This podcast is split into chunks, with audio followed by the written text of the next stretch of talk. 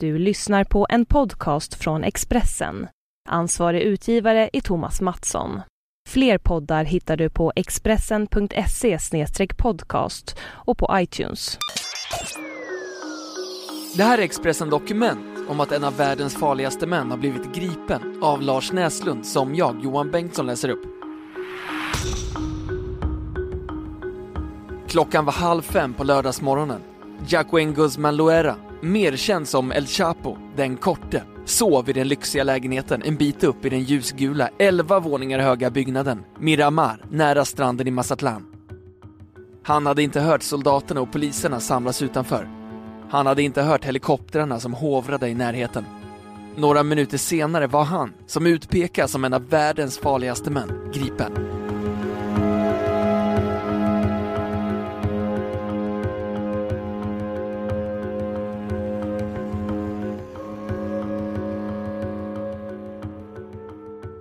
Mazatlan är ett tillhåll för surfare och seafoodälskare vid Mexikos Stilla havskust, inte så långt ifrån Kalifornien.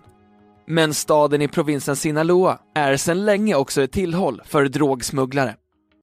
I den branschen härskar sedan länge kartellen med samma namn.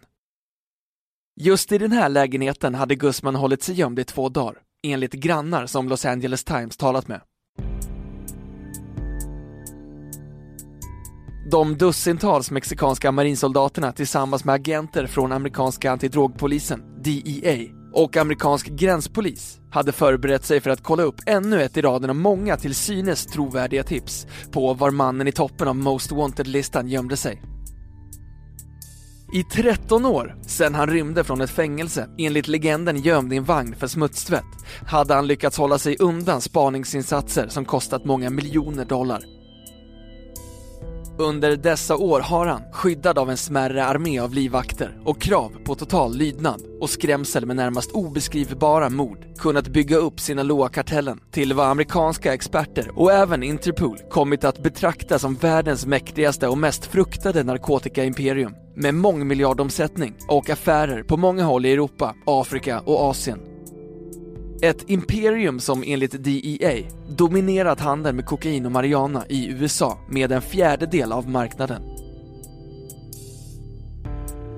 Ett imperium som tillsammans med övriga karteller i landet drivit fram en mordvåg som bedöms ha kostat 77 000 människoliv sedan 2006.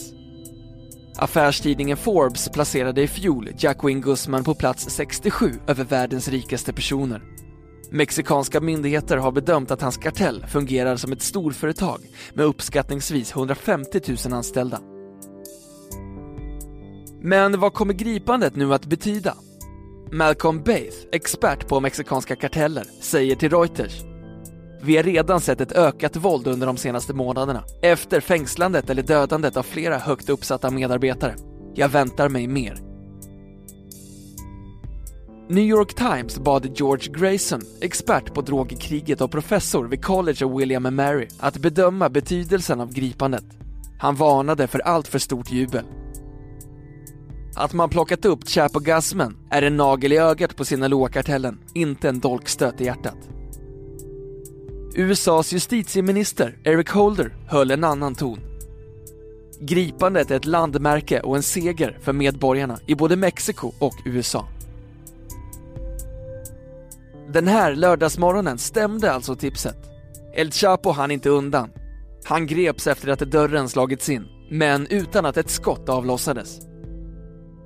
Men precis som vid attacken mot Usama bin Ladins gömställe i Pakistan vågade inte polisen tro att jakten verkligen var över förrän de jämfört den gripnes DNA med sparade prover. I juni 2012 hade mexikanska polisen generat sig själv när de trumpetade att Jacqueline Guzmans son hade gripits, när det snart visade sig att de hade tagit fel kille.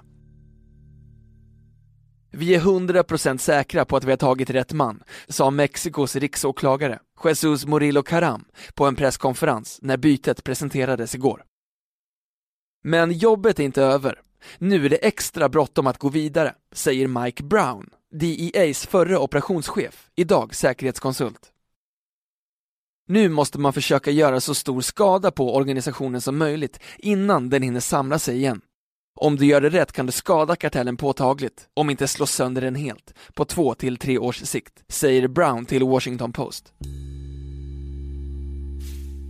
Nu sitter mannen som ingen med säkerhet vet åldern på, 56 gissas det, i ett säkerhetsfängelse någonstans i Mexiko. Men även amerikanerna vill ta hand om honom. Sju olika domstolar i USA vill ha honom utlämnad för rader av brott kopplade till organiserad narkotikahandel. USAs regering har lovat 5 miljoner dollar för tips som skulle leda till ett gripande. Lättnaden på många håll gick inte att ta miste på i helgen. Big Strike twittrade Mexikos förre president Felipe Calderon som hade gjort kampen mot kartellerna till sin viktigaste fråga. Men Mexiko väntas inte skeppa gasmen direkt till USA. Landets ambassadör i Washington, Eduardo Medina Mora, sa till amerikanska medier i förrgår. Jag tror att det är viktigt att han först får svara på de anklagelser som riktas mot honom i Mexiko. I lördags eftermiddag hölls en presskonferens på Mexico Citys internationella flygplats. El Chapo bar skjorta, jeans och hade mörkare hår än han haft på de foton som tidigare publicerats. Han var handbojad och hade ett par synbara sår i ansiktet och på axlarna. Marinsoldater, omtalade som de minst mutbara i landet, som skyddade sina ansikten med masker, förde snart bort honom till en helikopter för vidare transport till fängelset. På presskonferensen visades bilder på lägenheten där han gripits och på fynden som gjorts senaste dagarna. 97 gevär av olika slag, 36 pistoler och revolvrar, två granatkastare, 43 olika fordon, 19 av dem bepansrade. Riksåklagaren Jesus Morillo Caram berättade vidare att de kommit över sju olika hus som Gassman förfogade över. Många hade specialbyggda ståldörrar och tunnlar hade grävts mellan flera av dem för att underlätta flykt. Möjligen kom en indikation på hur Gassmans sista gömställe kunde ha hittats i en artikel i New York Times där en amerikansk anonym agent berättade att DEA tillsammans med mexikansk polis så sent som förra veckan gjorde en razzia i ett överklassområde i Sinaloa-delstatens huvudstad. Då hade ett dussintal ur Gasmans säkerhetspersonal gripits, inklusive hans exfru. Även där hade flykttunnlar byggts med ingångar i duschrummen i flera hus. Gazmen själv hann undan och flydde till Mazatlan, 20 mil bort. Men agenterna var alltså inte långt efter. När det blev känt i stan vid havet att El Chapo gripits tillsammans med fyra andra män och tre kvinnor, i lägenheten fanns även en bebis, jublade inte alla omedelbart. Där var han känd för att köpa sig tystnad med drivor av kontanter.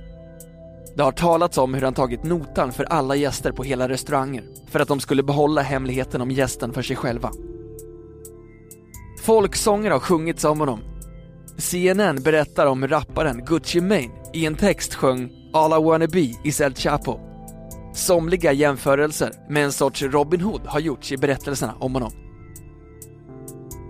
Jacqueline Gassman är ingen man av börd. Han föddes fattig i Sinaloa och lämnade skolan redan i årskurs 3. Första gången han på riktigt dök upp på polisens radar var i slutet på 80-talet då han började arbeta för en av den tidens största kokainhandlare i landet, enligt tidningen Time. När han greps 1989 började Gassman bygga upp sin egen organisation med hjälp av de kontakter han skaffat sig för att säkert kunna transportera kokain från Colombia till USA. 1993 greps han i Guatemala och fördes till Mexiko och dömdes till 20 års fängelse men lyckades ändå driva verksamheten vidare genom sin bror fram tills att han 2001 alltså lyckades rymma från högsäkerhetsfängelset Puente Grande. I boken Last Narco av Malcolm Baith beskrivs rymningen som ska ha kostat Gassman omkring 17 miljoner kronor i mutor. Han säger till CNN det finns massor av knarkkungar, men jag tror att Sinaloa-kartellen, med tanke på sin storlek och sitt inflytande, det placerar gasmen högst upp. I sociala medier slår många redan vad om att Jacqueline Gassman en dag kommer att lura rättvisan igen. Därför är amerikanerna så angelägna om en snabb utlämning.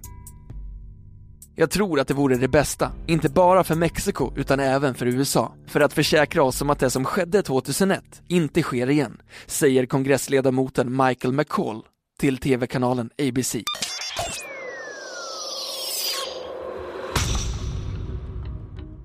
Du har lyssnat på en podcast från Expressen. Ansvarig utgivare är Thomas Mattsson. Fler poddar finns på Expressen.se och på iTunes.